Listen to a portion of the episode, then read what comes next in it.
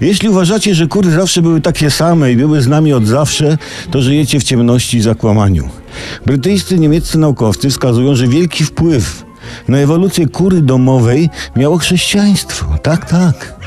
Naukow, no, naukowcy uważają, że wzro, wzrost popularności kur miał związek z religijnymi ograniczeniami diety w okresach postnych. Że tu złapę oddech. Czekaj, czekaj, bo może zrobimy, może zrobimy przerwę w felietonie. Pan wietnamski zaśpiewa? Wietnamski zaśpiewa. Nie, nie, czekaj. Zakaz jedzenia zwierząt nie obejmował bowiem ptaków i ich jaj. W poście, nie? Będąc udomawiane, te kury zaczęły szybciej znosić jajka i stały się mniej agresywne. Od chrześcijańskiej ewolucji dostały po dziobie i się uspokoiły.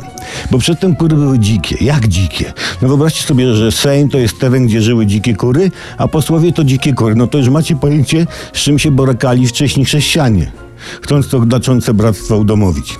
Już orientujecie się, jak ciężko było spacyfikować kury. Ale, że to złapie oddech. Modlitwą, pracą i garściami pszenicy udało się. Radość wśród wiernych była wielka z udomowienia drobiu kurczanego i, dla, i dlatego na ten, ten, tą, tą cześć z tej okazji duchownemu nadano nazwę kapłan. Hodowla nieagresywnych kur miała nieograniczony i nieogarniony wpływ na historię świata, w tym dzieje naszego kraju. Narodziły się takie guciki jak Kokościuszko, Jajagieło, że z braku czasu nie wymieniłem Jajanosika.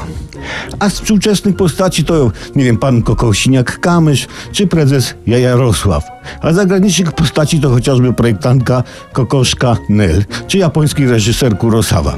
Dlatego słuchajcie, złapię oddech, szanujmy kury, kurcze, a szczególnie jajka. Uff.